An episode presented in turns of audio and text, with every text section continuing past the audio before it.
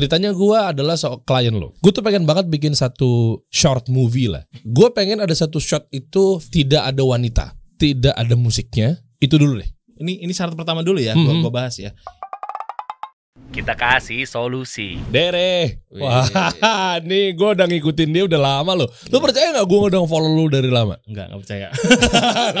Serius, gue ngefans lo sama lu, lu nih. Ya. Awal-awal gue ngeliat lu tuh kiprahnya tuh tentang pereditoran tuh di sini Yes, bro. Yes, yes. betul. Iya kan, ini sama Chandra sama satu lagi siapa ya? Bani Adil. Bani. Bani Adil. Iya iya. Reaksi editor Indonesia nih DNA lo banget, positioning lo banget. Nih gue mau bahas dari awal sampai akhir perjalanan lo. Tapi sebelumnya gue mau nanya dulu nih, director atau editor? Wah, tough. Berat. Eh, editor. Yakin lo? Editor lah. Bukannya lebih kaya director, bukannya lebih tampil director, bukannya lebih terkenal director, bukannya kredit title film tuh abis tuh tulisannya director paling gede, bukannya di poster tuh ada director Deriansa dan lain sebagainya. Hah? Editor di belakang layar nggak ada harganya bro. Aduh. satu hal, satu kata. Abis Buat- ini gue diserang sama para editor ya. Buat gue satu kata sih. Hmm. Kuasa. Lah gimana sih? Oke kita bahas diskusi nih ya. Boleh, boleh. Ya di depan ini udah panas nih. Hmm, Yang namanya kuasa punya Yes. andil eh, lebih. betul. Ya pasti director lah. Betul. Memang seorang director adalah eh, orang yang mengambil keputusan pada akhirnya. Dia yang mengiyakan atau tidak. Tapi yang bisa menggerakkan jauh lebih banyak sebuah video menurut gua adalah director. Eh sorry, editor. Itu kenapa editor disebut second director. Dalam dunia videografi, editor itu disebut second director. Kenapa gue bilang kayak gitu? Karena gini, Hmm. eh, buat gue pribadi, dulu gue sekolah itu S1 itu ngambil digital film and television di Hmm. Malaysia. Itu Hmm. gue ngambil jurusan eh director sama produser. Gue ambil Hmm. dua-duanya tuh. Editor itu saat itu gue cuman terpaksa ngedit karena tugas doang. Hmm. Jadi gue nggak dalemin tuh editing tuh. Gue lebih kebanyakan eh, direct, kemudian eh, perdatanya produser segala macam. Hmm. Setelah kerja akhirnya gue eh, harus merangkap juga sebagai editor. Pekerjaan pertama gue waktu itu as a producer dan, editor juga. Dan akhirnya pada tahun 2016 gue memutuskan untuk jadi full editor. Nah, kenapa kenapa akhirnya gue memutuskan jadi full editor? Karena menurut gue gini, seorang director memiliki kuasa kuasa dalam artian bukan pengambil keputusan ya, Mm-mm. tapi lebih ke arah orang yang bisa menguasai video itu. Menurut gua endingnya itu di syuting. Dan di syuting itu lo nggak bisa yang banyak-banyak misalnya, oh budgetnya terbatas nih, gua nggak bisa mau syuting di luar angkasa, gua nggak bisa bikin settingan eh, kapal apa namanya Apollo misalnya apa rok- roket gitu untuk Hmm. keluar angkasa nggak ada budgetnya. Sedangkan kalau lu jadi or- seorang editor, lu bisa ngadain roket itu pakai 3D. Sesimpel itu. Sekarang Hmm. lebih kuasaan yang mana menurut lu? Hmm, cuma kan tetap approval director. Tetap approval director. Ayo. Tapi secara eh, taste dan skillnya lebih berkuasa yang mana? Gitu. Balik lagi gini. Sekarang satu- Oke. satu contoh lagi. Kayak misalnya ini kenapa gue bilang editor tuh lebih lebih punya kuasa dalam hal eh, menggeser-geserkan sebuah video ya. Oke. Kayak misalnya lu kita nih kita misalnya syuting video itu footage-nya semua udah romantis wah pakai bokeh gitu ya Hmm. kemudian eh, apa namanya komposisi kameranya udah romantis banget nih kayak Hmm. film-film Thailand gitu ya Oke. Sama seorang editor itu bisa dirubah jadi film horor. Nah lu bayangin syuting Iya. udah udah dari awal nih storyboard terus gua udah romance romance romance. Tiba-tiba produsernya banting banding setir. Wah tahun ini kayak nggak cocok nih romance lebih cocok film horor. Nggak bisa syuting lagi dong ulang dari ulang. Akhirnya susunannya dirubah sama direct sama editor. Kemudian eh, warnanya diganti sama editor. Sesimpel- sesimpel ini deh. Oke. misalnya Iya lagi. Eh, si harus siang nih Eh, eh, misalnya. iya, Eh, oke. eh, sorry syuting harus malam Nah, terus tapi artis nggak bisa nih syuting malam akhirnya syuting di siang Nah, mau nggak mau kan gambarnya yang lu ambil kan ada mataharinya, Betul. ada terangnya. Terus Terang. gimana ngakalinnya kalau hayo, kalau tiba-tiba gelap? Nah itu dia, itu kuasa seorang editor. Dari itu ada ada namanya istilahnya day for night. Jadi Mm-mm. dia syuting siang dijadiin malam. gimana caranya, Bro? Warna dari dari color grading bisa, kemudian dari masking eh, ada, ada istilahnya eh, sky replacement bisa juga. apa sky tuh? replacement itu kayak misalnya kita syuting back- backgroundnya itu langit. Hmm. Nanti langitnya itu di keying, di roto. Istilah roto kalau nggak masking di keying namanya. Di keying dihilangin kita ganti pakai langit yang lain. Diilangin Bisa langit. segitu. Bisa bisa segila itu. Serius langit Iya. nih. Iya. Lagi terang ada matahari lu hilangin. Di apa di masking? Director bisa nggak kayak gitu pas syuting? Eh, Tolong mataharinya diredupin bisa nggak? Ya, mungkin bisa di cutting gitu ya, pakai cutter, Ah. apa pakai diffuser mungkin bisa. Oke. Tapi kalau seorang editor tinggal di klik turunin, sat, udah mataharinya redup. Tapi kenapa yang paling kaya director? nanti kita bahas ya, nanti kita bahas ya. itu itu juga itu juga Eh, itu juga sesuatu yang yang ya, Ya jangan jawab, jangan jawab, Ya, jangan ya, jawab, ya, itu jangan jawab, jangan jawab. Kenapa mungkin director tuh nggak punya kuasa dalam arti selain approval ya, Mm. decision dan lain sebagainya. Tapi kenapa lebih kayanya director? Ini para sutradara nih kayaknya nih bisa membantah Anda di rumah Anda. Saya tahu tahan dulu. Nanti kita bahas ya. Kita bahas ya. Dan dan ke depan kira-kira lebih maju yang mana, lebih menjanjikan yang mana secara karir apa segala macam. Kok sama sampingnya lo saklek, jangan-jangan cuma idealis lo doang lagi nih lo pilih di editor. Ya, Nah, jangan jawab lo Oke jawab. oke boleh. Kita bahas teman-teman harus pantengin pastikan sampai akhir ya. Yes. Sebelumnya lo emang apa backgroundnya bro? Background apa tuh maksudnya? Nggak kuliah kah atau Oh iya. ya lu kan lu lu lu editor dan coba lihat sosmed tadi. Ya lihat sosmed tadi. Dan lu eksis di mana-mana tapi kok gue cari channel lu nggak ada. ya? Wah. Lo Itu- kalah lo. Chandra. Lia udah punya channel dari awal. Hmm. Bani punya channel nggak? Bani lagi jalan, udah jalan. Lagi jalan. Apakah gara-gara editor tuh kan di belakang layar nggak pengen kelihatan tampil, tapi ternyata anda meyakini kan bahwa sekarang tuh harus butuh Nah, channel itu dia. kan? Nah, Ini fun fact sebenarnya, ini fun fact. eh, Eh, satu kalimat yang akan gue bilang adalah harusnya gue udah mulai channel dari lima tahun yang lalu. ah kan terus kenapa? Gue udah nulis, gue udah nulis semua apa eh, apa eh, idea gue, terus kemudian eh, apa namanya konten-konten yang akan gue bahas, semua tuh gue tulis semua apa jadwal, kemudian quantity quality seperti itu, rumus-rumusnya gue tulis, bahkan rumus-rumus itu sendiri sampai gue jadiin bahan materi untuk workshop gue kayak gitu-gitu. Oh, Oke. Jadi- Jadi gue nulis itu bukan sekedar buat gue sendiri, tapi untuk gue sharing juga ke depannya gitu. Hmm, oke. Dan- Nah, ternyata hasilnya malah lebih, sering ngajar eh, workshop dan webinar waktu itu daripada gue bikin channel dulu. Karena memang banyak banget pertimbangan-pertimbangannya gitu. Sebenarnya itu sih. Apa pertimbangannya? Eh, salah satunya gue masih masih masih coba untuk balancing antara kalau kita udah ngomongin antara kreativitas sama uang gitu ya. Hmm. Itu udah udah udah hal yang sulit sih buat gue. Hmm. gitu. Jadi untuk balancing, gue orangnya nggak bisa multitasking. Jadi gue nggak Hmm. bisa nih ngerja ngerja cari duit, kerja cari duit sambil eh, ngonten, bikinnya Hmm. sesuatu yang idealis gitu. Iya. Padahal itu udah ada di rumus gue loh, gue bikin Nah, rumus iya. itu sendiri, tapi gue nggak ngejalanin. itu dia tuh. Dan lo tuang itu di reaksi editor Indonesia. Eh, salah satu itu juga gitu. Jadi saat itu memang ya gue dikasih kesempatan juga ya sama Hmm. Bang Chandra Liao. Akhirnya ya udah eh, saat itu gue belum punya channel, terus kemudian dapat dapat eh, acara yang mirip sama yang pengen gue bikin. Hmm. akhirnya ya udah ya udah gue tuangin deh beberapa ide gue di situ Yang edit siapa? Yang edit gue sama Bani. Oh. tapi tapi tetap eh, standar gue yang setting. Dari Oh, REI itu? Ya edit itu Iya. gue yang edit yang research juga ke, ke, ke rata-rata gue kemudian nanti eh, kita diskusi juga eh, brainstorm juga bareng-bareng sama Bang Chandra sama Bani sama tim yang lain juga sering kayak gitu. Heeh. terus nanti eh, yang edit gue tapi tetap Oh, jadi lo punya tadi kita balik Nah, lagi mengenai dia. kuasa tadi nah ya. itu dia 90% ada Iya. eh, kontribusi lo di sini ya. ya kira-kira ya ya, ya gue gak bisa persenin sih tapi ya Hmm. salah satunya itu sih gue yang ngeset juga maksudnya standarnya harus gimana sih gitu karena memang acara ini kan dibuat sebenarnya buat ngeset standar editor editor di Indonesia tuh maunya gimana sih arahnya gitu Hmm. kita juga kita adalah orang-orang yang resah di YouTube tontonan YouTube kok sekarang kayak gini ya gitu. Dan kita pengen edukatif lebih edukatif lagi gimana cara lebih edukatif tapi fun. Ya udah kita bikin seperti ini. Hmm. makanya rata-rata sebenarnya eh, ada beberapa konten yang eh, memang kita nge-breakdown ngebahas. Tapi ada beberapa konten yang memang sarkas juga di situ Oh, betul sekali. itu dia Makanya saya suka yang dia. episode rumah Uya. Aduh, kalau itu memuji ya Alah, saya tahu isi kepala Anda dan hasil editingnya. Sampai batuk gue tuh tontonnya sendiri ya. Terus eh, kontribusinya Chandra apa ya? Tadi Eh, ya channel ada. Hmm. Bang itu tadi gue bilang lebih ke arah gini, director dengan editor gitu Hmm. Oke. ya. Ya, Dia as as a directornya, as as a produser dan directornya di Hmm. sini gitu. Dan dia juga ya kadang kadang beberapa hal juga dia research juga bareng Oke. kita gitu, Oke. brainstorm juga bareng kita gitu.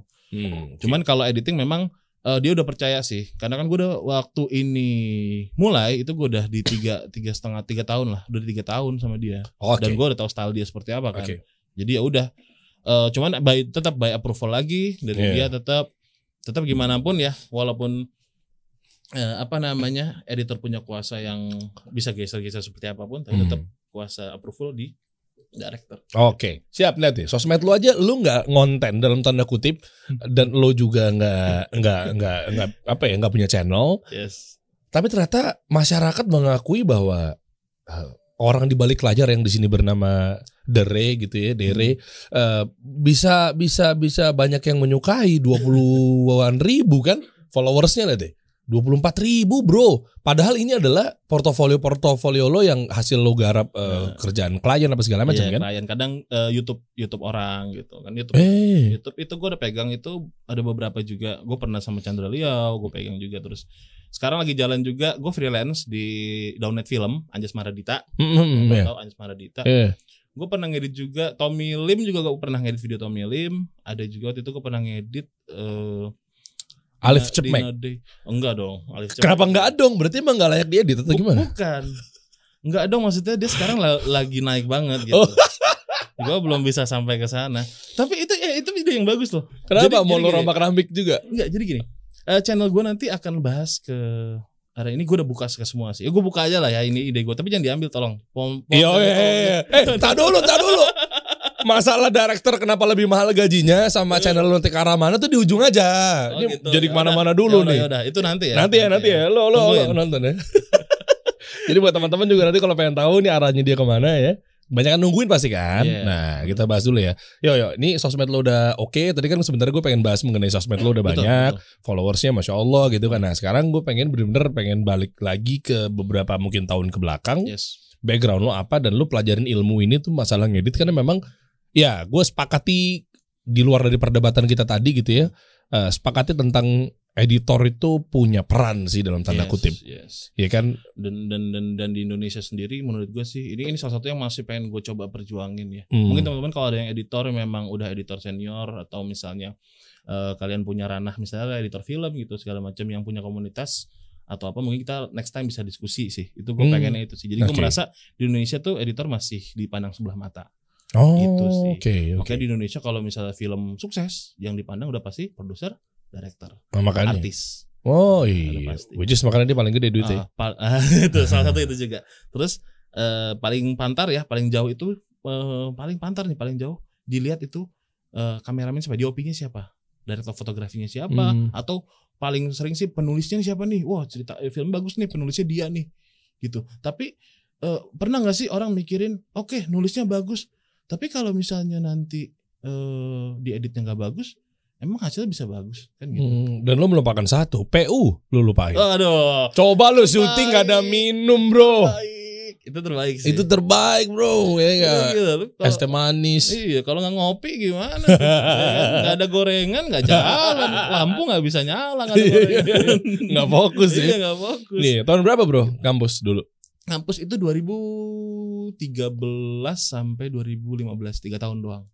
Kalau di luar tiga tahun doang. Di S1. Oh, Gua- Malaysia tiga tahun nih. Tiga tahun. Gue berarti title-nya Bachelor of Art. Oh. Masuknya art. Gitu. Art karena, ya? karena nggak ada. Gue nggak tahu sih kalau kalau film itu masuknya harusnya harusnya udah ada jurusan masing-masing sih desain sendiri ini sendiri. Tapi kalau di kampus gue sih hitungannya Bachelor of Art. Apa kampus apa sih?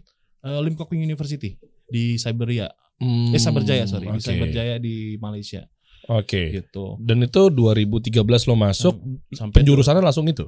langsung langsung digital film and television, terus ada penjurusan lagi eh, director, ada produser, terus ada marketing kalau nggak salah gue lupa antara itu. Pokoknya ada ada ada beberapa pelajaran yang public speaking gitu gitulah. Gitu. Jadi lebih Hmm. lebih ke arah sana sih. Cuman karena semester 5 itu ada tugas video klip dan iklan, akhirnya gue magang di tempat iklan. Dan Hmm. akhirnya ternyata gue lihat-lihat kayak aduh syuting iklan tuh lebih enak deh kayak Oke. karena waktunya lebih sempit, cuannya lebih besar. Nah Hmm. itu sih tekanannya lebih kecil daripada film. Oke. Buat gue pribadi. Ya, dan lu balik ke Indonesia. Balik ke Indonesia eh, waktu itu, bah ini ini, ini salah satu juga sejarah gue ketemu sama Bang Chandra Leo ya. Hmm, hmm, Jadi eh, balik ke Indonesia itu pas banget 2016 awal. hmm. 2016 awal eh, waktu itu kalau pernah dengar nama namanya Indofitgram. Tahu lah. Nah, Bena. Kribo kan? Ah, itu dia. Heeh. Jadi dulu Indofitgram itu bikin eh, startup namanya video eh sorry IVG IVG Team namanya. Hmm, oke. Indofitgram bikin kantor namanya IVG Hmm. dan gua waktu itu ngelamar di situ eh, interview segala macam dan akhirnya keterima. Oh, setelah pulang dari Malaysia. Dari Malaysia. Udah Pas lulus nih ya. Baru lulus dua Hmm. bulan kemudian langsung kerja. Wih. Kerja probation tiga bulan dan ternyata gua nggak cocok di situ. Kenapa? Ada satu dan dua hal lah. Istilahnya eh, karena mungkin startup juga ya. Jadi eh, role-nya masih banyak. Itu juga di situ yang gua ngerangkap dari produser, line produser gue sebenarnya. Terus karena nggak ada belum ada editor waktu itu, jadi gua ngedit.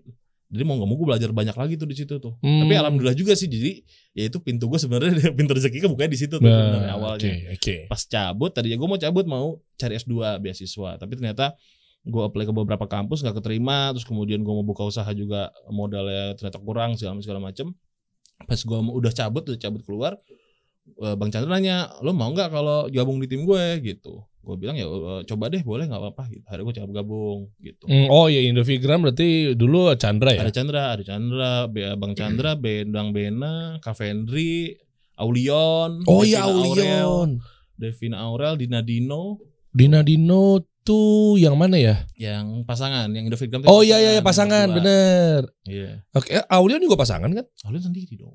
Aulion. Aku suka kebalik deh. Oh Aulion yang ini ya? yang kreatif, Eh, yang suka si- bikin itu. Iya ya, enggak ini apa namanya? Eh, YouTube Rewind. Iya, YouTube Rewind itu yang live kemarin tuh. Iya, dia Yang kan? Yang director juga iya dia. Iya kan dia kan? Heeh. Eh, Oke, tapi yang yang ya kreatif-kreatif begitu sih. Iya. Saat itu kan di masa-masa itu ya kasarnya masa kejayaannya Indofitgram tuh. Hmm. semua orang pasti ngeliatnya ke sana kayak gitu makanya gue eh, waktu itu pengen banget nih masuk ya udah gue interview aja deh langsung deh Oke. alhamdulillah keterima dan itu ternyata pintunya itu dah dan dari situ gue makin udah deh nggak usah masuk film lagi deh ngapain masuk ke film gue udah di ranah ini nih gitu Hmm. ini udah ladang basah gue nih kasarnya gitu Hmm. udah enak lah gitu. Garap sama Chandra ke langsung. langsung ke tim tuan Oh. Ah, langsung ke tim tuan dari bulan September 2016 Lo yang edit video-video Chandra Liao yang sebelumnya itu bukan siapa? gue dia ngedit sendiri Yang sinematografi yang dia puasa. itu dia sendiri Iya, gue sempat ngikutin vlognya dia tuh. nah itu dia sendiri Oh, dia sendiri. Iya. Makanya gue bilang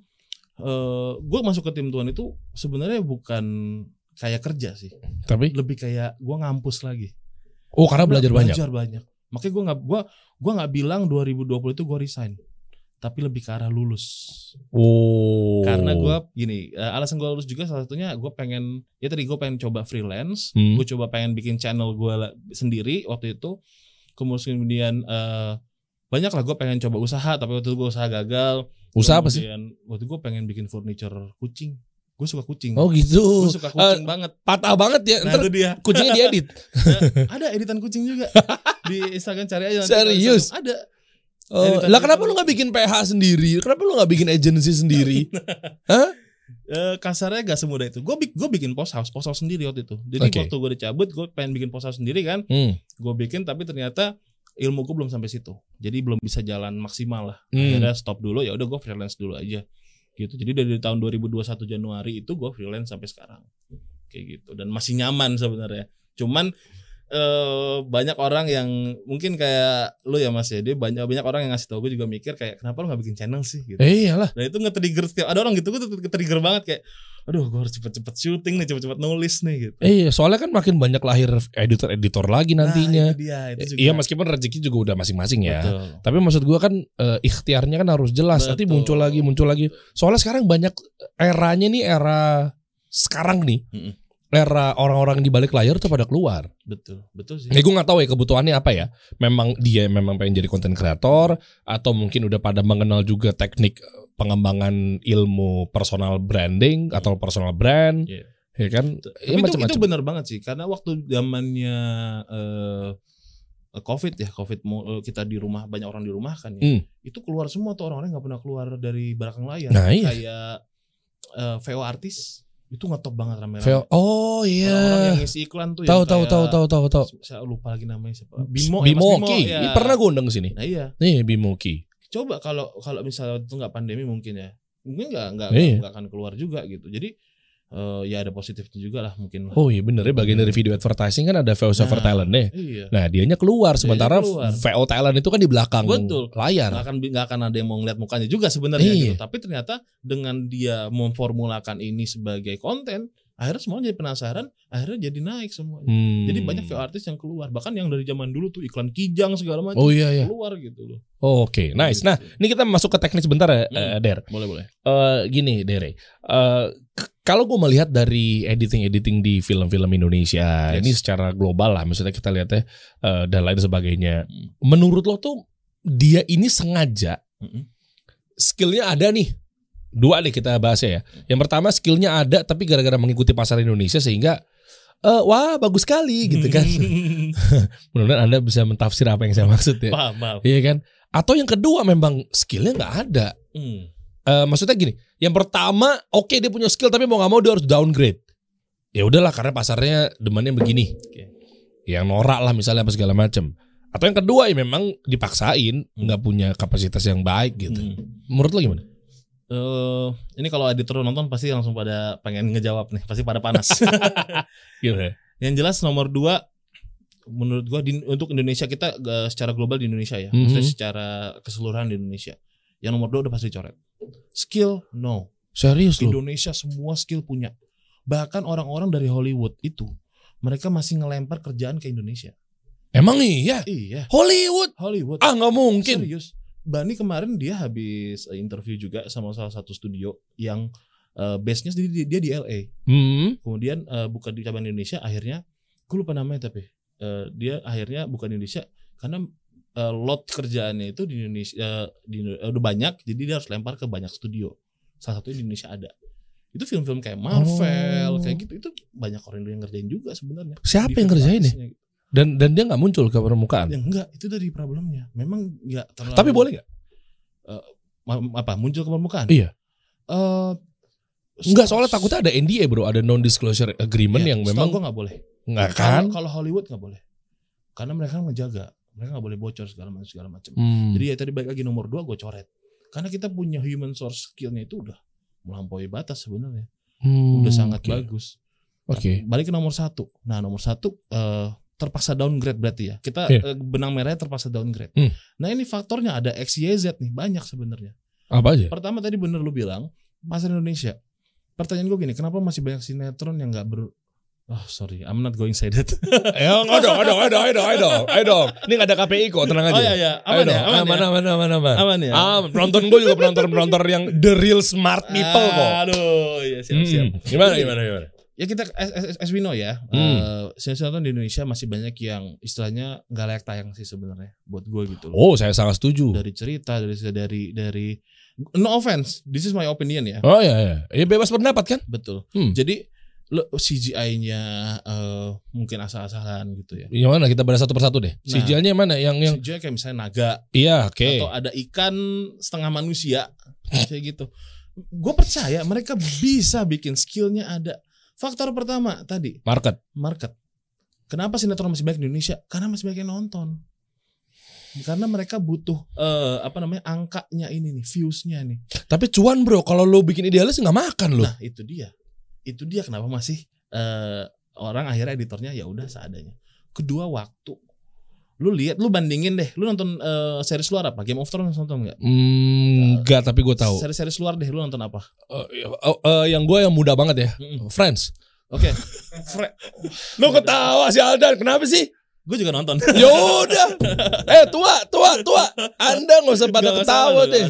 Ya, ini kan Iya. dulu, ini Ya, buat itu. pelajaran ya. Hitung Friends punya berapa episode? Waduh, banyak lah. Berapa ratus?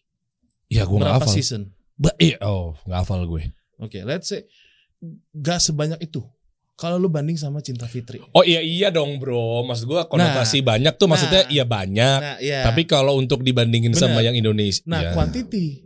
Sekarang editor misalnya harus tayang setiap hari, Hmm. tapi disuruh bikin CGI sekelas Game of Thrones misalnya atau Harry Potter atau Avengers, ya nggak bisa. Ya nggak bisa ya. Dia eh, apa Avengers aja ngedit begitu bisa berapa bulan. Bahkan eh, film Hollywood tuh ada ada yang dua tahun dieditnya. Kayak Avatar gitu, itu lama ngeditnya tuh. Kejar tayang dong berarti Ya itu. kalau itu di faktor Indonesia. kedua tuh. kejar Hmm. tayang. Faktor ketiga Hmm. kecil. Kecil. Iya. Maksudnya kecil? Editor dibayar kecil. Emang iya? Iya. Ih kan emang lu gampang cuma edit naga. Waduh. Oh. Lah, lu tinggal ambil Yes. Dragon green screen, Yes. Terus ditaruh chroma key, taruh tep. Selamat Anda mendapat sinetron Indonesia. gue yakin banget editor karena gini, gue ada beberapa temen juga yang emang editor TV ya, editor di TV, Eh. editor di mana gitu. Kayak contoh deh tadi ya kita nonton eh, Rumah Uya gitu ya. Hmm, Nanti yang belum nonton nonton aja coba. hmm. Jadi bisa relate nih ya. Di Rumah Uya itu kenapa? Oh harus editannya harus harus yang eh, I'm, I'm, I'm going to say this cringe lah kayak oke yang yang yang efeknya gini-gini berulang-ulang efek harus gini-gini harus lebay harus segala macam ya kan mereka nggak ada waktu lagi untuk eh, apa namanya istilahnya research lagi efek apa sih yang bagus taruh di sini ya udah yang ada aja taruh deh Apaan kartun? ulang gitu ya kayak gitu-gitu Gimana, misalnya gimana? sound efeknya Tong, tong. Nah, kalau pemilihan taste-nya ya itu karena ngikutin pasar, makanya mereka pilih yang begitu. Tapi efek yang berulang-ulang digunakan karena ya udah mau gimana lagi, nggak ada waktunya. Kayak misalnya syuting nih, eh syuting syuting syuting jam 1 misalnya, jam 1 syuting jam 3 kelar. Besok tayang eh, besok tayang jam 7 malam misalnya. Ya Hmm. harus ngedit, harus ngejar. Everyday kayak gitu terus. Lo kalau dibikin polanya misalnya kayak di luar gimana? Seriesnya sedikit. Oh tapi nggak ada duitnya ya? Betul. Sama pen- penontonnya banyak yang nganggur sih. Know kayak gitu. Itu dia, as I know kayak gitu. Hmm. Bahkan kita ngomongin eh, sistem Hollywood itu ya masalah eh, apa namanya royalty itu mereka udah rapih banget. Kayak, Oke. kayak misalnya ini yang gue tahu ya as, as, as I know. Kayak misalnya contoh gini film Titanic. Hmm. Film Titanic itu udah tahu tahun berapa. Misalnya diputar lagi. Itu sesuai agreement sih sebenarnya. Hmm. Tapi kebanyakan di luar seperti ini. Eh, ketika diputar lagi misalnya di tahun ini naik lagi nih penonton oh meledak lagi film Titanic. Itu Leonardo DiCaprio masih akan dapat royalty. Ya emang di Indonesia kan begitu juga. As I know, enggak kebanyakan sih enggak. Royalty nggak dapat. Kebanyakan Oke, itu kalau artis Warkop warkop DKI? kalau artis Oh mungkin warkop nggak dapat katanya. ya? Om Indre. Seinget gue enggak. Iya pernah ada yang bahas nih. Seinget gue itu. Kreator. Itu. Kesian loh. Seinget, seinget gue enggak ya, tapi tapi boleh-boleh di di research lagi nanti. As I know enggak sih. Jadi eh, oke, tadi artis oke lah, artis masih deket lah ya. Tadi gue bilang ya kalau Hmm. ngetop itu kan tiga sutradara, produser, artis. Hmm. Produser dia SPH juga ya. Bisa aja PH-nya ngetop nih karena filmnya bagus gitu.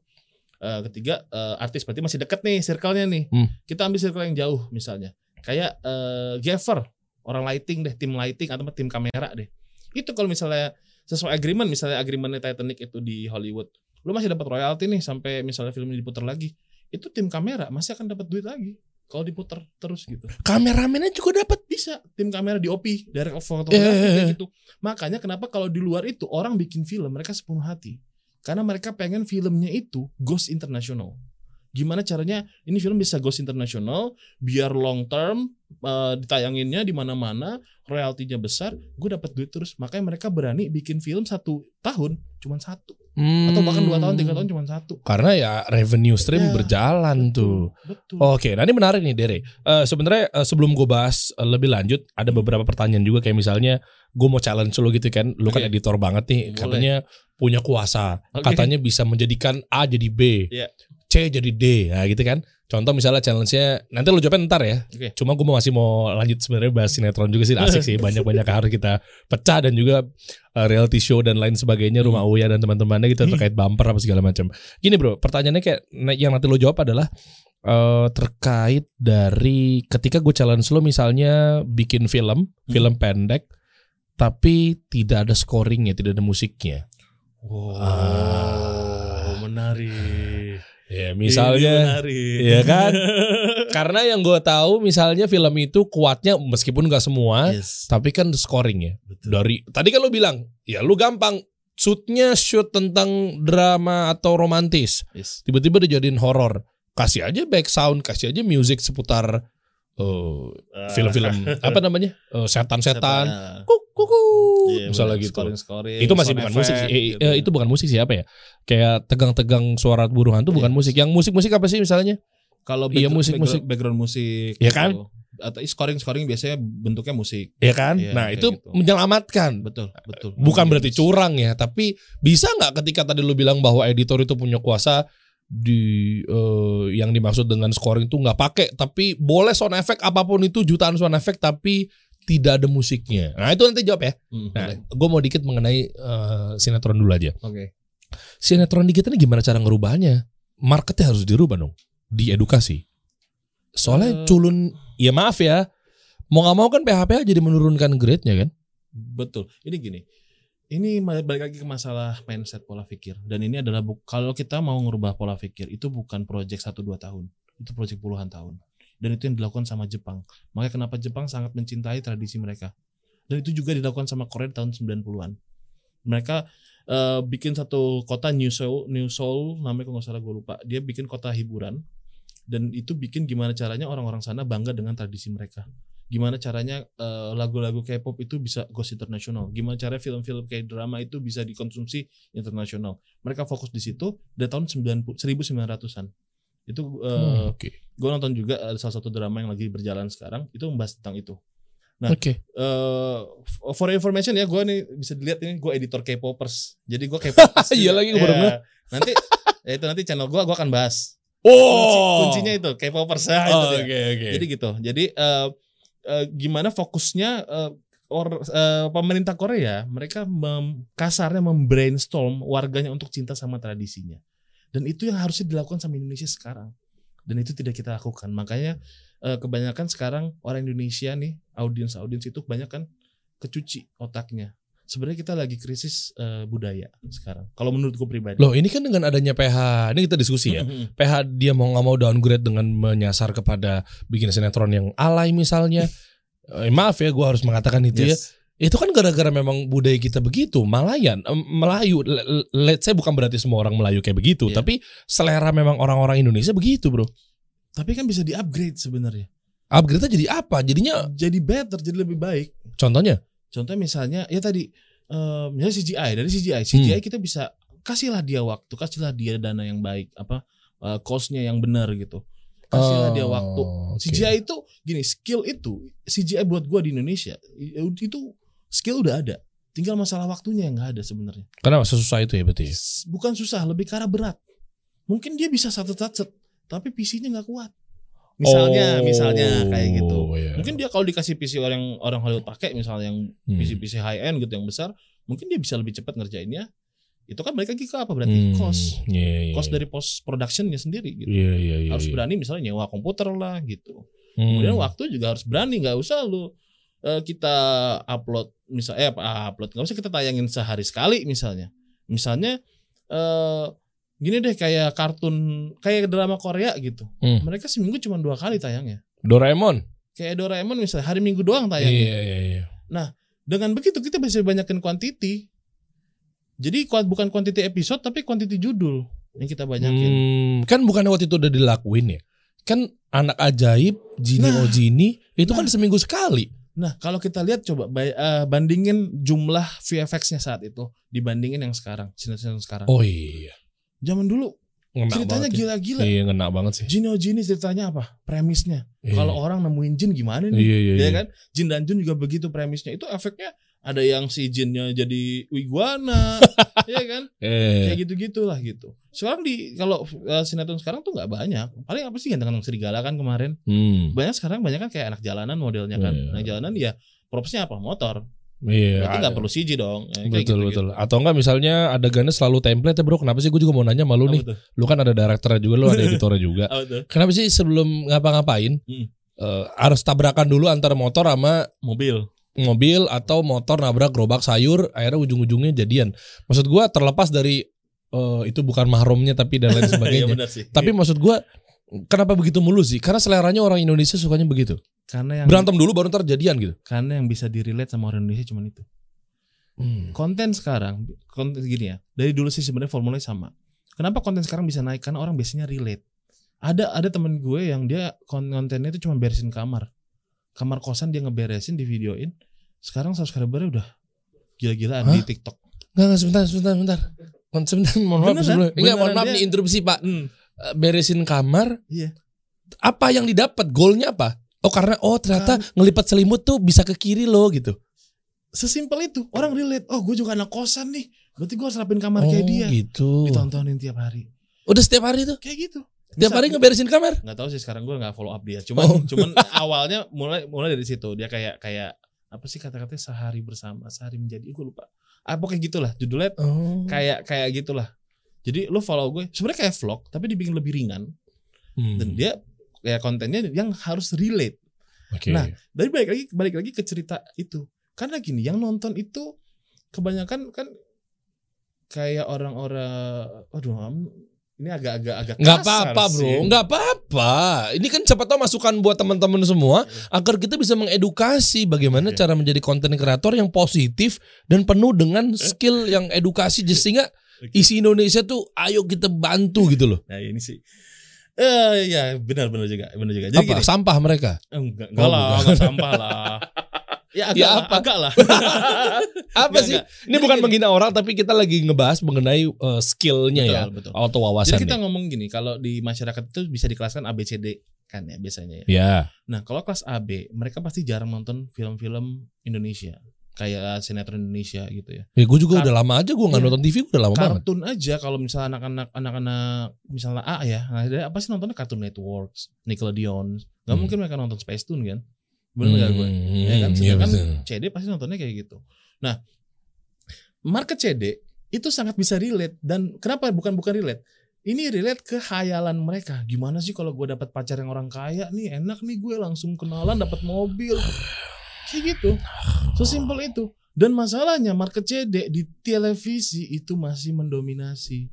Yang which is ya gue bisa cuannya di situ yang nontonnya orangnya di situ kok kalau gue bikin yang bagus nggak ada yang nonton nanti. Loh kita buat aja gerakan kalau gitu. Nah. Ini diskusi ya. Misalnya Yes, contoh tiba-tiba berubah. Mm-mm. Kita kerjasama mm, satu Indonesia para production house. Mm-mm. Tiba-tiba berak berubah tiba-tiba. nggak bisa nggak nggak nggak bisa langsung begitu Ya kan dia nggak ada nggak ada tontonan. Cari tontonan yang lebih bagus, lebih positif, tidak mengajarkan hal-hal keburukan, Hmm. eh, hal-hal keharaman, hal-hal negativitas yang tinggi. Ya udah lu mau nggak mau makan tuh. Ayo. Itu benar itu bisa dilakukan Terus? itu bisa dilakukan tapi kita balik lagi balik lagi kita ngomong mindset ketika kita Hmm. ngomong mindset itu bukan sekedar audiens tapi seluruh orang Indonesia termasuk yang bikin filmnya Hmm, iya sih dan mindset ya, ya. semua mindsetnya orang nggak cuan dong nih Ah. gitu ya.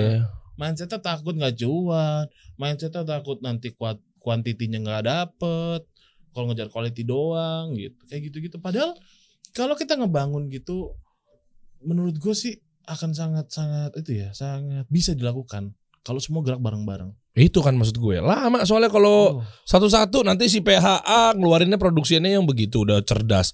Tapi PHB tetap nggak mau ikutan ya, mau nggak mau cuan. Ya gue paham lu juga butuh anak istri lu dikasih makan dan lain sebagainya. Cuma maksud gue eh ya maaf ya, jadinya begitu mulu bangsa kita kagak maju-maju. ya memang namanya juga negara third world country ya susah ya Iya iya iya. itu iya, sih iya. balik lagi pola pikir itu sih gua mikirnya itu.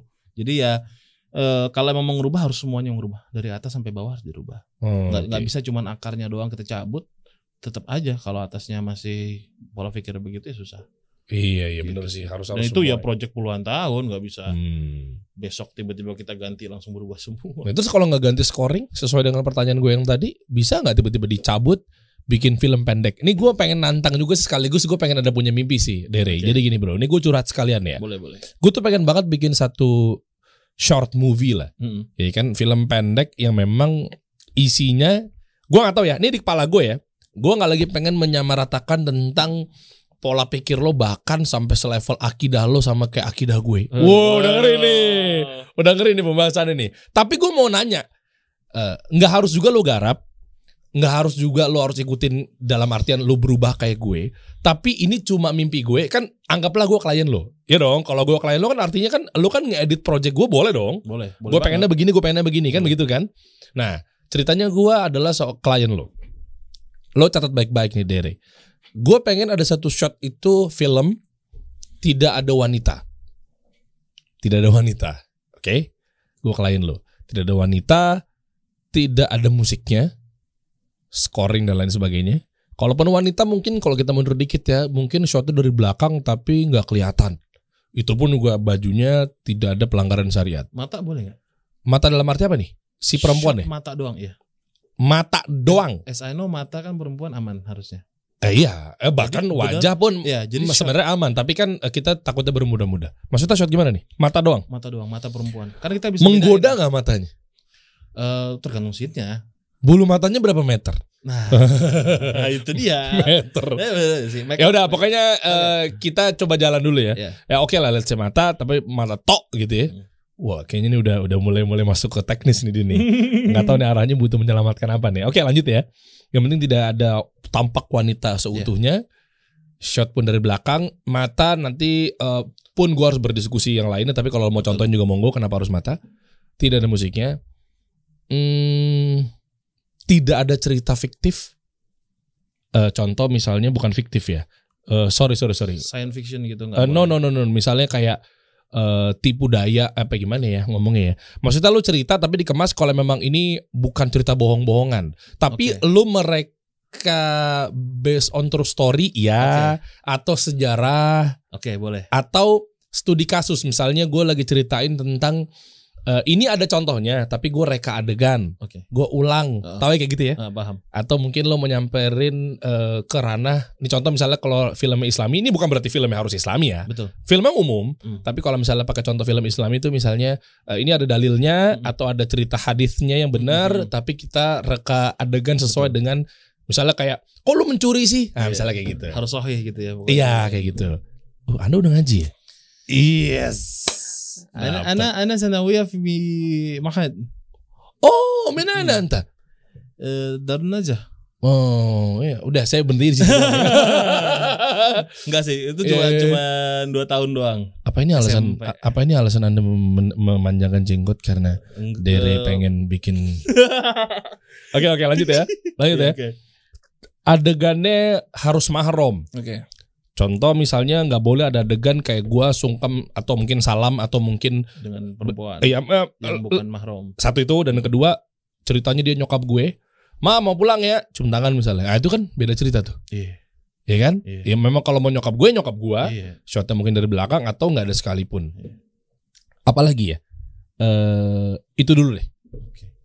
Tentang apa dulu filmnya? Eh, Monggo. Eh, tentang. Eh, No, it's too easy kalau nggak dikasih. Tentang Oke. apa. Wih, bener. Gue bisa bikin film tentang Ya, perang. ya, ya, ya, ya, ya. Oke, oke. Oh, iya, perang lagi semua ya. Iya, easy. Ah, Oke oke oke. Eh, filmnya tentang iya pesan-pesan gitu ya.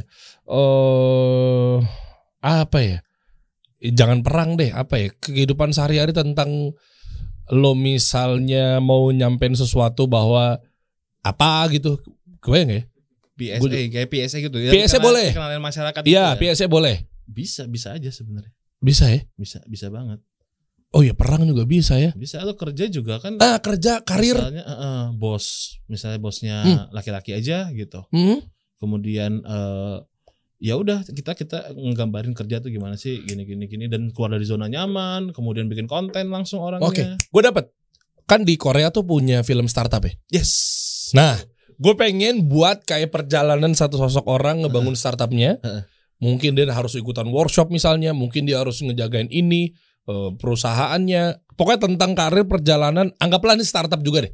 Anggaplah persis ceritanya kayak startup, tapi versi yang tadi gue sebutkan tidak ada aduan dan sebegitu. Apa yang lo lakuin? bisa bisa banget. Eh yang gue lakukan adalah gini. Jadi jadi gini. Startup ya, film Startup, oke. persis kayak gitu deh. Oke. Intinya dia akan nyari beberapa calon-calon eh, di- di- dia seorang investor misalnya, Oke. nyari CEO CEO yang akan dibuatin brandnya, gitulah kurang lebih ya. Oke. Tiba-tiba jadi atau mungkin sisi lainnya dia berjuang dari nol, Oke. kisah tentang biografi yang berdarah-darah akhirnya ujung-ujungnya jadi brand yang terkenal misalnya. Oke, gue paham. Hmm. Jadi gini, sudut, sudut pandang utamanya kita harus ngikutin dia dari dari keseharian dia seperti apa. Hmm. Oke, gua, gua gini dulu. Ini ini syarat pertama dulu ya, Hmm, gua, hmm. gua bahas ya. Yang tadi nggak boleh pakai musik. Hmm. Jadi gini, di dalam editing musik itu seperti mahkota, ya seperti rambut. Oke, maksudnya? Rambut dalam manusia itu adalah rambut selalu disebut sebagai mahkota, Mm-mm. ya kan? Gua nggak bilang orang botak itu jelek ya. I'm not saying that, tapi Hmm. kebanyakan kalau lu pakai rambut, lu bisa gayain macam-macam. Oke, setuju. Dan muka lu bisa berubah-berubah dengan sesuai dengan gaya rambut. Ya, oke. Tapi kalau rambut lu eh, take out nggak masalah kan? Lu botak nggak masalah. Oh, nggak masalah. You still alive. Oh iyalah, Tapi beda kan rasanya. beda Lu betul. pakai rambut sama enggak. Betul. Nah, itu musik kayak gitu rasanya. Nah, berarti kalau dicabut lu bisa take out. take out. Musik scoring bisa take out. Yakin lo? Bisa pakai sound effect. Justru itu akan menggambarkan di mana misalnya kita menggambarkan nih eh, si orang ini dia kayak startup gitu eh, struggle-nya seperti apa di awal, di awal, di awal, di awal sampai misalnya kita bikin film 5 menit. 3 menit struggle, 2 menit dia udah happy. Ah, Dalam satu dari dari struggle itu benar-benar sound effect itu minim. Jadi kita kita ngasih kesunyian, benar-benar sunyi banget. Dia bangun tidur cuma bunyi. Oh, kayak dia ngambil gelas, dia bikin air minum kopi cuma suara Eh, scoringnya nggak ada. ada. Bisa tuh. Bener-bener sound effect doang. Oke. Nggak usah ada ambience, nggak usah ada apa dulu. Baru nanti pas udah dia sukses, terakhirnya misalnya mulai kerjaannya mulai di ini, mulai di ini. Baru jadi bener-bener pas di awal itu karena dia depresi dengan kerjaan dia misalnya kayak gitu ya kayak oh gua lagi bangkit-bangkit. Semua orang ngomong, ngomong pun suaranya dihilangin nggak ada. Ngomong orang dihilangin. Karena dia tidak bisa mendengar suara orang saking dia pusing dengan pikiran dia sendiri. Oh, oh, oh. Itu itu itu powerful. oh, itu ya. jadi gini, treatment ini sebenarnya bukan pertama kali dilakukan. Oh, ngerti gue. Gue jawab ya. Iya. Sama diskusi ya. Ini ketika di film kita ambil pelajarannya nih, Saving Private Ryan Hmm, atau di 300 itu ada adegan ketika misalnya bom benar, deng, deng. benar, benar, benar. Kan kayak- benar, kita dimasukin di ranah yang benar. ketika lo kuping lo pengang, Iya. sorry misalnya budak apa Mhm. segala macam, sehingga itu malah ambience lebih Nah. dapet ya. itu ada juga adegan di Star Wars waktu itu Oh. waktu kapal ditembak. Jadi di luar angkasa itu kan kita nggak bisa dengar suara. Heeh. Begitu kapal ditembak, der itu nggak ada suara ledakan, tapi sunyi.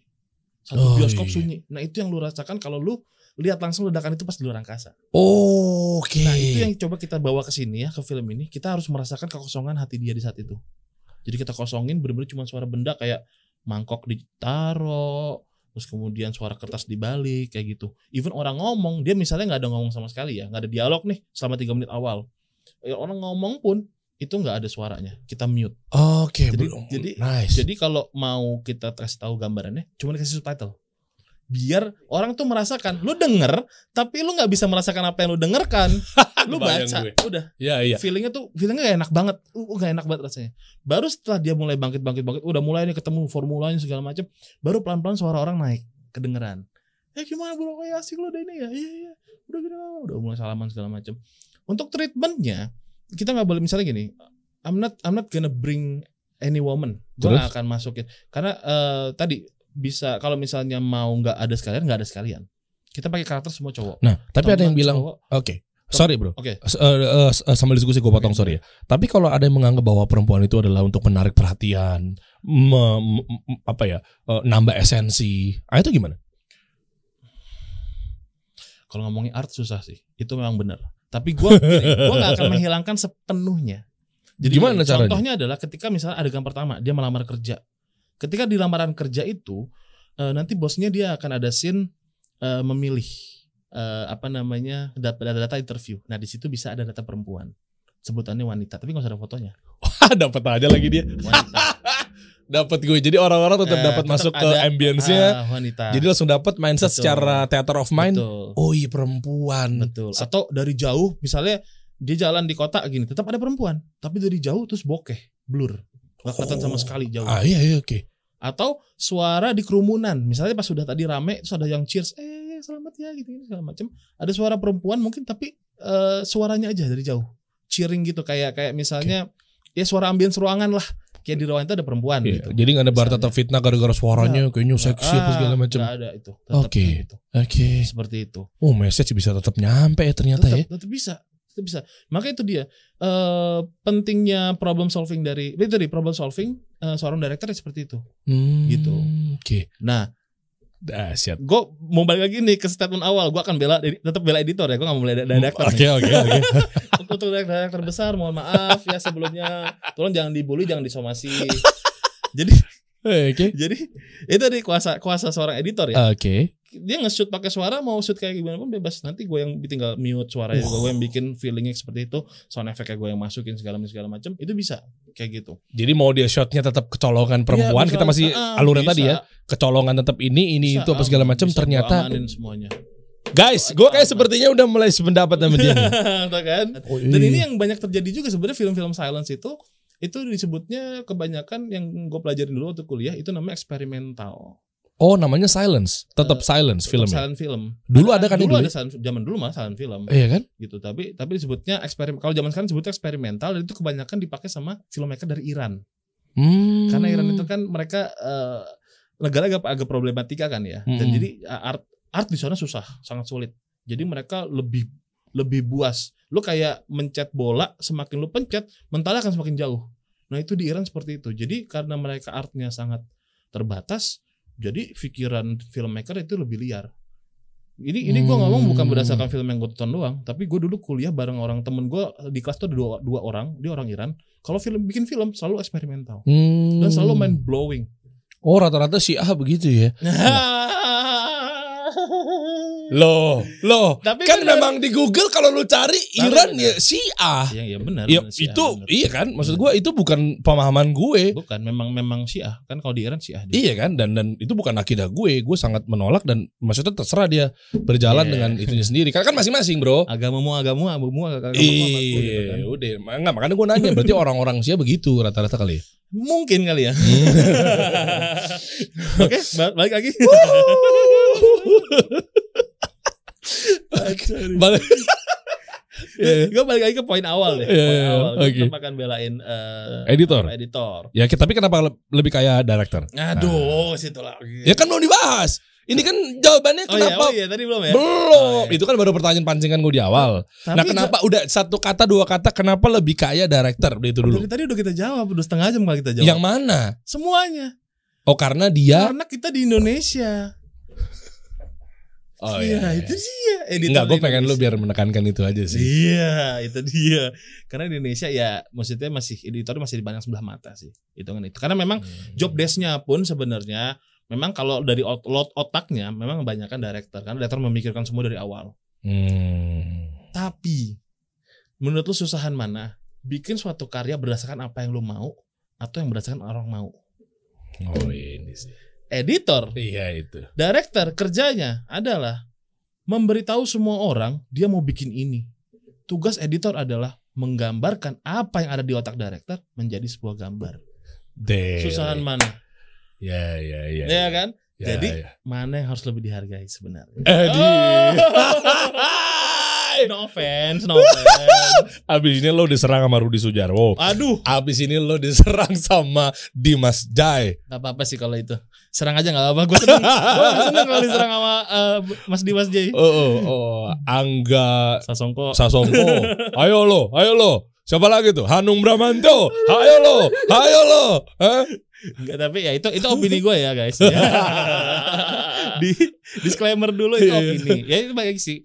Itu keresahan-keresahan gue sebagai seorang editor ya gitu. Tapi Iya, ya iya. memang gue belum masuk ke ranah film banget sih. Hmm. Dan gue kayaknya nggak akan masuk ke sana. Gue masih nyaman di iklan gitu. Jadi akan sampai tua mungkin di iklan tapi umur 40 rencana gue jadi dosen.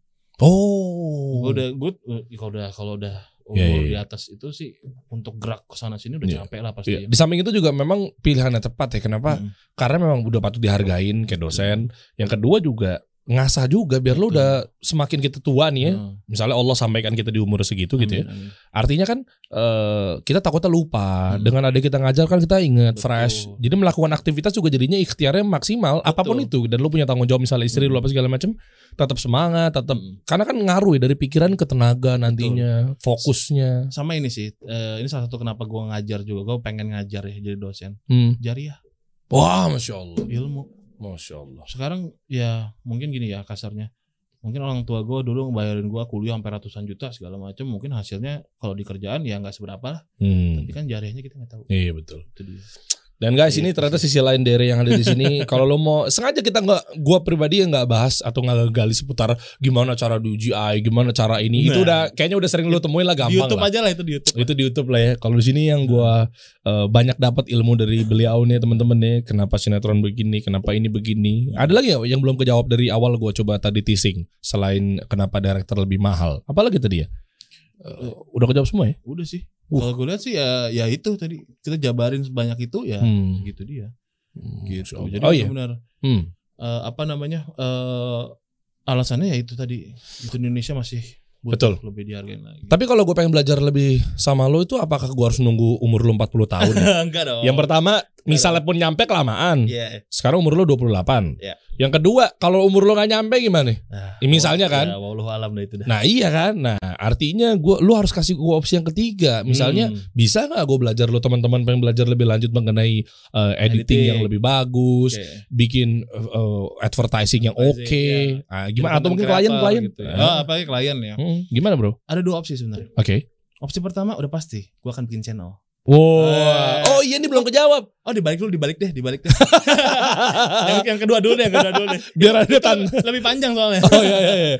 Oke, jadi Eh, eh, sekarang ini opsi opsi pertama ya, opsi pertama lo bisa oh, bukan lo, semua orang semua yang nonton ini kalau Hmm. kalian mau belajar videografi, kemudian marketing daripada videografi itu sendiri, kemudian teknik-teknik videografi dan juga kayak misalnya ngambil gambar, color grading, editing segala macam, CGI, hmm. 3D bahkan kalau kalian tertarik itu gue lagi jalan satu project kelas Mm-mm. di CA Creator Academy namanya. Oh konten Ah. akademi Eh Content Academy sorry. Oh, tahu Content gue. Academy. sama Ogut Ya Mas Ogut betul. sama Yuda Alpha Yuda Works. Alpha Works betul. Oh kenapa lu pilih gabung di situ? Sementara lu udah punya Nah ini bendera nih. sendiri kan Nah, harusnya ini kan? dia nih. Jadi gini. eh ini bukan pertama kalinya gue ditawarin untuk join ngisi kelas. Oke Ini bukan pertama kalinya. oke. Tapi kenapa akhirnya gue join ke CA? Mm-mm. Ya, di dalam CA itu ada EVM ya, eh, editing video mastery Mm-mm. yang nantinya akan ganti nama jadi Video Labs karena kita masuk berlima sekarang di EVM di eh, Video Labs ini. Oh siapa aja? Ada lima. Ada pertama Yuda pasti ya udah Alpha Works. Mm-mm. Kemudian kedua ada Mas Adans namanya. Mas Oh. Adans itu Pernah gue undang. Oh pernah ya? Pernah Yuda ya? pernah gue undang, eh, Adan pernah Iya. gua undang yang buta warna kan? Iya betul, yang Ah. buta warna, yang colorist tapi dia eh apa dia editor bisa colorist, jago colorist tapi buta warna. Keren. Yang ketiga ada namanya Raihan, Raihan Live. Itu content creator juga. Um, speciality-nya dia eh, motion graphic. Hmm. Ah, jadi Nice. nanti nanti di kelas itu bakal diajarin motion graphic. Lo bikin bumper. Yes, betul. Yang Hmm. keempat ada namanya Bani Adil. Nah, itu temen gue nih yang Oh. tadi di reedit. Ya. Nah, dia bakal ngajarin 3D. Kebanyakan 3D dan Oke. VFX. Oke. Yang kelima gue. Nah, gue ini lebih akan ngajarin kebanyakan eh, VFX juga, tapi gue kebanyakan eh, balik ke visi misi gue lagi. Eh, yaitu gue pengen nyiptain suatu standar Hmm? di Indonesia. Editor-editor Indonesia tuh punya standar. Standar seperti apa sih? Keren. gitu. Jadi gua eh, akhirnya kenapa akhirnya gue join di sini karena kelas-kelas yang lain yang dulu pernah nawarin gua itu biasanya kalau udah beli kelas udah selesai. Hmm. Tapi kalau di sini kita mau bikin asas tongkrongan. Wow. Nah itu dia. Jadi bukan sekedar kita masuk kelas doang terus belajar. Udah ya apa beli masuk belajar udah kita lepas terserah mau ngapain. Hmm. Enggak. Tapi justru masuk kelas kita punya komunitas setiap eh, sebulan dua kali mungkin kita nongkrong bareng di Zoom di Wah. Discord gitu ya Oke. kita bahas apa permasalahan nih, apa nih atau ada project misalnya, saling sharing-sharing project juga bisa Wah keren. gitu. Dan makanya kenapa akhirnya gue join karena visi misinya kelas ini beda nih dari yang lain-lain. Dan itu searah sama yang gue. Iya. Istilahnya kasarnya gue lagi nebeng nih gitu. Hmm. Nebeng nebeng boy gitu ya, Iya. jalan bareng gitu. Oke. Eh visi misi gue gitu soalnya gue pengen nyiptain standar editing Indonesia tuh seperti apa. Nah ini makanya gue pelan-pelan nih dari tadi kita ngebahas nih kenapa nggak dirubah kenapa nggak dirubah. Nah ini Hmm. gue pengen ngerubah pelan-pelan. Lewat satu-satunya Lewat- atau Nah, ya apa salah, namanya? Salah satunya ini. Editingvideomastery.id. Yes, Video oh. Labs. Bisa langsung dibuka sih kalau kalian mau daftar.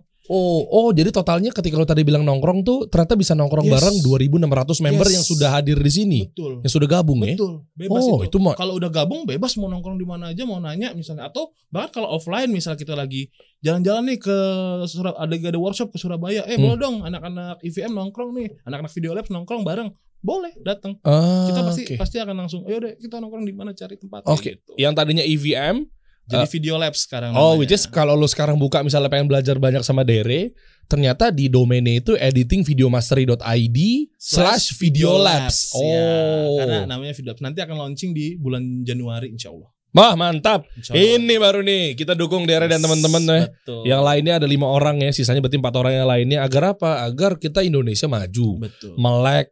Jadi nggak melulu monoton begitu aja. Yes. Sehingga kan video-video campaign lu nanti jadi lebih menarik. Nah itu dia. Kita nge-build juga gimana caranya konten Indonesia tuh bisa lebih Eh. eh, naik lah ya. Kita udah nggak ngomongin nasional, kita Hmm. ngomongin international gain. Wih, keren. Cara kayak gitu. Iya bener Artinya eh, lu akan market-market yang akan nyamperin lo berarti mereka-mereka yang memang video editor, Iya. yang memang eh, atau agency Heeh. atau dia kerja freelancer gitu Iya, ya. betul, betul bisa, bisa. Oh, Nah, Oke. ini satu lagi. Hmm. Jadi sorry. Hmm. Jadi gini, gue punya agenda tersembunyi sebenarnya. Wah ngeri. Agenda gue adalah gini.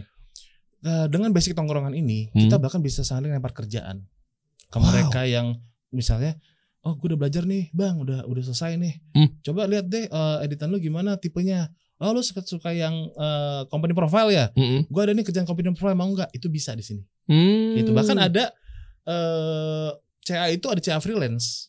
Maksudnya gimana? Jadi lempar kerjaan. Jadi ada ada ada ininya apa nanti nanti akan lebih dijelaskan lagi. Eh, lu cek aja deh di Mm, boleh coba dicek webnya itu kita bisa saling lempar kerjaan dari CA sendiri itu bisa lempar kerjaan kayak gitu tapi kalau gua punya eh, agenda rahasia Hmm. di sini adalah gua pengen narik beberapa orang untuk gabung Wah, ke pas gue. nih. Berarti kalau lu mau narik mereka-mereka semua itu mesti mereka punya skill yang lebih.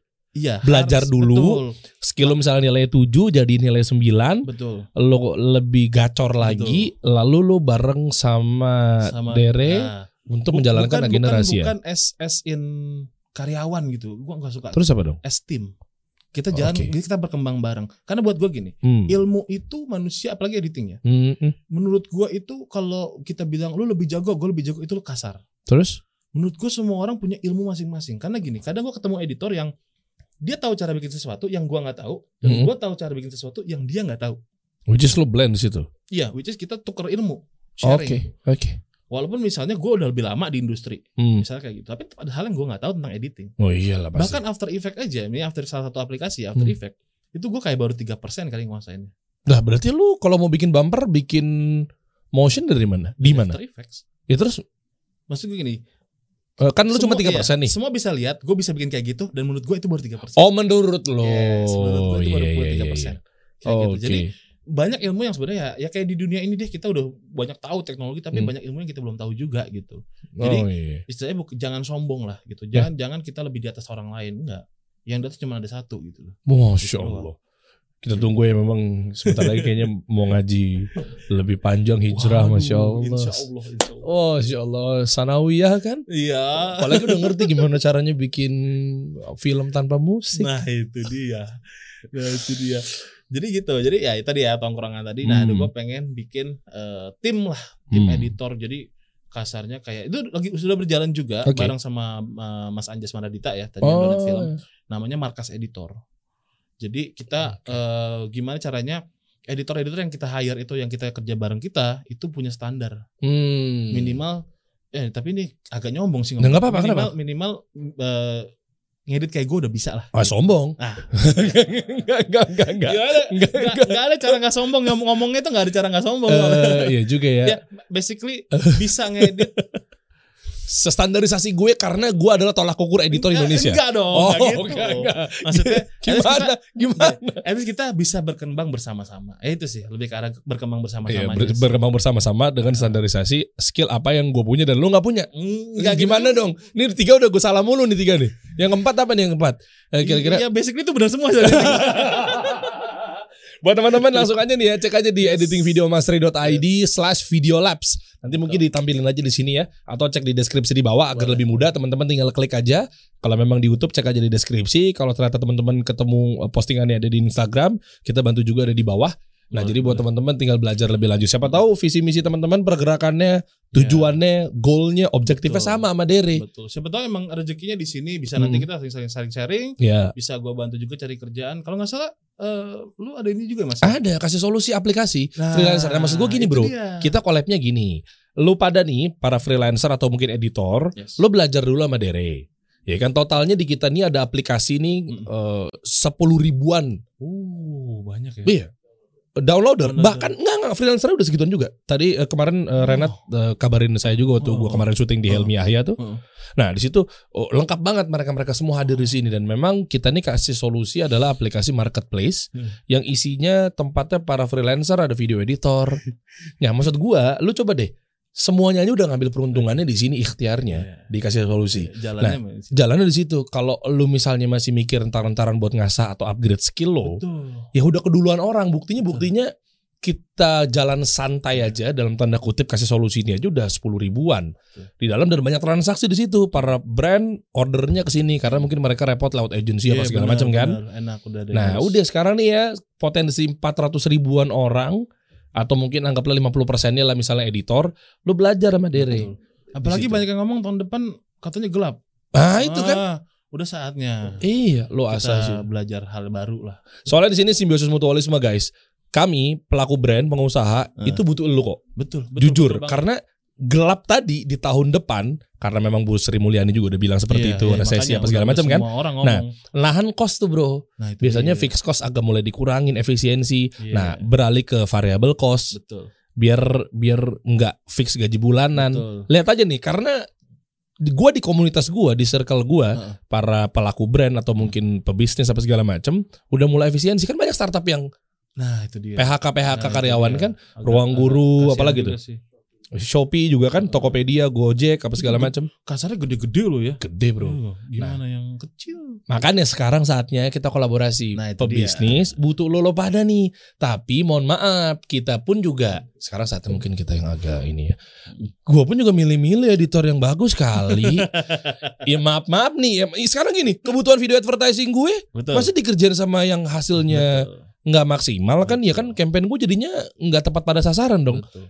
Sebelum pakai misalnya misalnya buat kubu ads gitu buat Hmm. dipakein ads apa segala Iya macam benar, tetap kualitas harus dijaga dong. lo pada belajar nih Nah, ratusan itu- ribu orang itu editor Kepentingannya sih di situ. Habis itu baru tempat Nah, eh, itu dia. solusi Kita ke sini langsung ke sini. Udah dijamin nih ada kerjaan di sini udah ada gitu. Kerjaan depan mata masa nggak mau belajar ya kan? gitu. Ya udah. kayak gitu. Tapi te- ini Hmm. eh, ini ya eh, intermezzo sedikit. Mm-mm. Sebenarnya eh, ini gue mau ngomong sama lu udah lama sih sebenarnya dari Apa dari gue tahu. Gue nonton lu juga kan kasih solusi segala macam. masa Nonton gue. masa Tapi nggak langsung nonton di channelnya. Biasanya potongan-potongan. oh iya iya Gue gue cari tahu kan. Iya, iya, iya. apa sih gitu. oke Sebenarnya the idea of the kasih solusi itu gue udah kepikiran tahun 2014. tuh lagi-lagi lu sih idealis tinggi Anda waktu itu kita ketemu ya. Kalau kita ketemu langsung bikin sih kayaknya. Karena lu lu lu salah satu co-founder yang keempat bro. Karena gue gini, gue eh, waktu itu kuliah kan, masa 2014 itu gue kuliah. Hmm. Di mana zamannya 2000 kalau nggak salah gue lupa 2014 atau 2015 ya. Itu Grab eh Grab sama Uber lagi naik. Hmm. Terus gue mikir gimana kalau misalnya kita bikin aplikasi yang buat nyari jasa tapi bukan jasa eh, misalnya itu doang. Eh, kayak misalnya Kang AC, Mm-mm. Kang Pijit gitu Mm-mm, kan. Semua tuh, tapi Hmm. gue lebih ke arah editor, Ya itu memang lampu, ini. lighting segala macam Hmm. kayak gitu-gitu. Nanti gue gue ada ada sih saksi hidupnya sih teman-teman gue kalau mau dibawa ke sini boleh juga. Rame ya. Iya. Jadi ya itu gue berpikiran kayak karena gini waktu gue kuliah di otak gue jangan lu lulus lu udah kuliah mahal-mahal jangan lu kerja sama orang lu bikin kerjaan buat orang Udih. itu dulu punya gue tapi ternyata realita menghantam keras ya ya inilah kayak orang-orang kayak daerah ini dan teman-teman semuanya untungnya dia sudah melek sekarang ya. Eh, terserah sih lo mau idealis tapi kan ujung-ujungnya lo makan nasi kan. betul Nah, ini- Udahlah, tapi bukan berarti nurunin kualitas banget yes, ya. yes gue ada gue ada ada ada eh, satu formula juga namanya quantity over quality Ah ini belum dijawab. ah, itu. Boleh dong tipis-tipis dong. Apa kita bikin part 2? Aduh, panjang dong Apa-apa? Quantity over quality itu eh, adalah gini, misalnya dalam seminggu itu tujuh hari, kita upload lima hari. Hmm. Tetap zaman sekarang itu quantity itu udah jauh lebih penting daripada quality. Konsistensi itu lebih penting. Oke. Seberapa banyak lu dilihat sama orang, itu lebih penting daripada seberapa menarik konten lu sekarang. Wow. Serius. Serius itu lu? benar.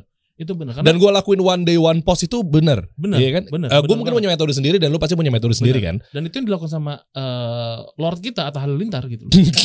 Oke. Anda sarkas, gue tahu. Enggak, tapi memang Oh, Anda Anda sarkas. Memang Anda belum berubah dari reaksi editor Indonesia. ke bawah ya ke bawah. terus terus. Nah, itu yang dilakukan sama Atta Halilintar waktu itu ya dia ngupload itu hampir sehari, sehari sekali Hmm. zaman itu kan. Mungkin Meskipun vlog. kontennya buruk ya. Kan tadi lu yang bilang gue gak ngomong buruk. Gua- jelek. Enggak. Bagus, bagus. Tapi lu bilang tadi katanya dengan narasinya kan ya, itulah yang dilakukan oleh Atta Halilintar. Berarti kan itu yang dilakukan dia ngupload sehari sekali. Iya kan tadi ada meskipunnya. Kalau ada meskipun biasanya lawannya meskipun dilakukan sama Atta Halilintar. Meskipun standar dah itu aja. enggak, enggak. Bagus-bagus kok. Atau atau maksud gini, atau juga berkembang. Jadi Hmm. waktu dari gue dari awal juga ngikutin gue karena gini, karena gue kerja di YouTube ya gue harus lihat dong. Atta, Ricis punya semua segala macam. Bahkan sampai yang youtuber luar, youtuber uh, Filipin, Thailand, gue lihat semuanya. Hmm. Itu karena dia jadi bahan patokan kita juga gimana bikinnya gitu. Ya Atta, Oke. Atta dan Ricis berkembang banget zaman itu. Mereka bikin vlog biasa, lama-lama jadi yang vlog yang ada editannya, kemudian macam-macam. Kayak sekarang uh, Denny Sumargo, Hmm. kalau lihat kontennya eh, lagi gila juga tuh editan-editannya, Iya, lagi bener. gokil-gokil banget. Quantity ya. Nah sekarang quantity over quality itu dalam tujuh hari misalnya, lima hari, lo upload lima hari misalnya, Hmm. berurutan nih Senin, Selasa, Rabu, Kamis, Jumat Mm-mm. misalnya. Nah kual quantity-nya harus over quality. Jadi misalnya yang tiga itu quantity, yang dua itu quality. Oh, oke. Kayak gitu. Atau atau atau kalau males banget nih kualitinya, Hmm. ya udah yang empat tapi yang satu harus maksimal. Gimana caranya quality lu bikin itu yang lu banget deh. Wah, gua Hmm, bikin video sinematografinya bagus, musiknya, sound efeknya bikin ceritanya bagus segala macam segala macam. Tapi kalau tanda musik gimana? Itu kayak tadi udah kita jelasin ya. itu quality. Oke. Itu masuknya quality karena itu kan eh, idealis kita. Oke, terus yang terus. sisanya empat quantity. Di mana lu bisa bikin konten berdasarkan dari eh, keresahan eh, Hmm. apa namanya subscriber lu lah. Pokoknya ini buat nurutin si subscriber subscriber lah. Mereka pengennya apa sih? Oke, tapi bukan berarti menurunkan benar-benar parah banget ya secara Ah. standar ya. Tetap standar harus di atas standar. Contoh. Tok-tokan di atas standar pas nih. begini. Oh, ngerti gue. Kalau Misalnya quality pentokin Iya. sampai semaksimal kita. Nah, nilai kita misalnya 7 tuh udah bisa naik kelas. Mm. Artinya kalau yang quantity tadi kita buat standarisasinya Ya, itu 7. 7,1 lah gitu. Ya 7,1. Hmm. Tapi kalau memang yang nantinya 9,5 Ya, betul. yang Kalau quality-nya kan. quality kayak gitu. Nah, itu quantity over quality. Jadi nggak boleh quantity semua juga. Lama-lama orang kan bosen karena mereka nggak ada lagi karena gini. Eh kuan- Kenapa? quantity itu Hmm. sekarang over daripada di atas daripada quality. Ko- Loh. Dari konten quality apa sih yang dicari? Unique selling point. Oh. Nah, Ketika orang nonton konten banyak tapi nggak ada unique selling point ya percuma. Apa yang dicari dari situ? Lu nontonin rapi, misalnya contoh rapiin kamar deh. Hmm. Lu rapiin kamar tiap hari tapi nggak ada unique selling pointnya. Oh Ya iya. nggak ada. Misalnya eh, ada unique selling point di mana lu rapin rapin kamar, rapin kamar, rapin kamar selama lima hari, salah satu harinya lu bikin dia sinematik. Tiba-tiba Hmm. kasih lampu, kasih ini. Oke guys, hari ini gua akan rapin kamar, gua akan masang lampu biar kamar gua bagus. Bikin set, terus ada vlognya. Ini gua beli lampu di sini, ini harganya segini guys. Kalian kalau mau Oh. bikin gini-gini, itu quality termasuk. Meskipun kalau kualitinya full misalnya lima hari lima harinya quality semua, Oh bagus, itu Tapi- bagus. tapi berdarah sih. Tapi itu yang tidak terjadi di sinetron Indonesia. Balik lagi. Ya kan? Tapi Ata keren Nggak loh bumpernya bisa. kan gue suka tuh video-videonya tanpa dragging eh, eh, 10 detik pertama keren bro jadi dia tuh kayak eh what's up, gitu itu kan Bagus. susah bro menurut gua bagus. enggak lu lu kenapa sih menurut gue aja gue udah bilang Menurut gua bagus. Enggak bagus banget, bagus aja. Enggak bisa lebih bagus. Kalau eh, enggak tau gue mau sombong lagi deh, gue sombong lagi aja deh. ya udah gua Kalau dikasih ke gue ngedit itu ulang, mungkin gue bisa bikin lebih bagus. wah ya ya ya gitu ya, ya. sih. ya ya atau enggak lu yang edit juga nih video Ata Aku pasti abis ini di DM sama yang ngedit deh. Ini sotoy banget sih lu gitu. iya Ini konten barengnya kita deh. gitu. iya Kita kasih solusi.